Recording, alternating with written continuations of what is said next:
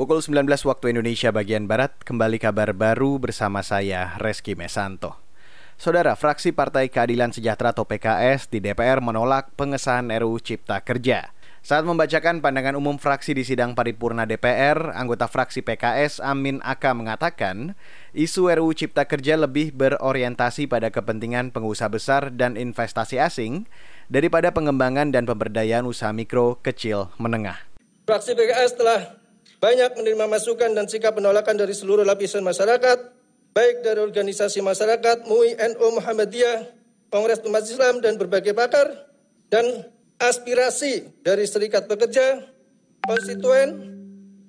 Dengan memperhatikan itu semua, maka fraksi PKS menyatakan menolak rancangan undang-undang tentang cipta kerja untuk ditetapkan sebagai undang-undang. Selain fraksi PKS, Partai Demokrat juga menolak pengesahan RUU Cipta Kerja.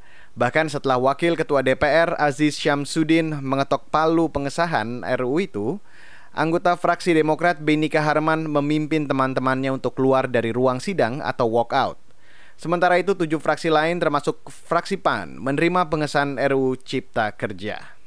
Kita beralih ke informasi lain, Saudara Komisi Nasional Hak Asasi Manusia atau Komnas HAM perwakilan Papua bakal meminta penjelasan pimpinan TNI wilayah Papua mengenai dugaan keterlibatan anggota TNI dalam sejumlah kasus penembakan. Kepala Kantor Komnas HAM Papua Fritz Ramande mengatakan, hari ini mereka berada di Timika dan berencana menemui Panglima Komando Gabungan Wilayah Pertahanan 3 di Mimika. Kami besok baru ketemu kita sudah ada di Timika. Kami mau sekalian yang kasus Diduga kasus Timika, kasus Intan Jaya. Tim Komnas HAM ada di Timika untuk tindak lanjut beberapa kasus. Kepala Kantor Komnas HAM Papua Fritz Ramande mengatakan tahun ini setidaknya mereka menerima pengaduan tiga kasus penembakan yang diduga melibatkan anggota TNI. Salah satu kasus penembakan menewaskan dua orang pemuda yang dianggap anggota kelompok bersenjata. Kasus lain adalah penembakan terhadap seorang pendeta di Intan Jaya pada September lalu. Dalam peristiwa itu, TNI dan kelompok bersenjata saling tuding sebagai pihak yang bertanggung jawab atas penembakan itu. Kita ke Malaysia, Saudara. Perdana Menteri Malaysia Muhyiddin Yassin memutuskan melakukan karantina mandiri. Karantina dilakukan setelah sebelumnya Muhyiddin berada dalam satu pertemuan dengan Menteri Agama Malaysia Zulkifli Muhammad Al-Bakri.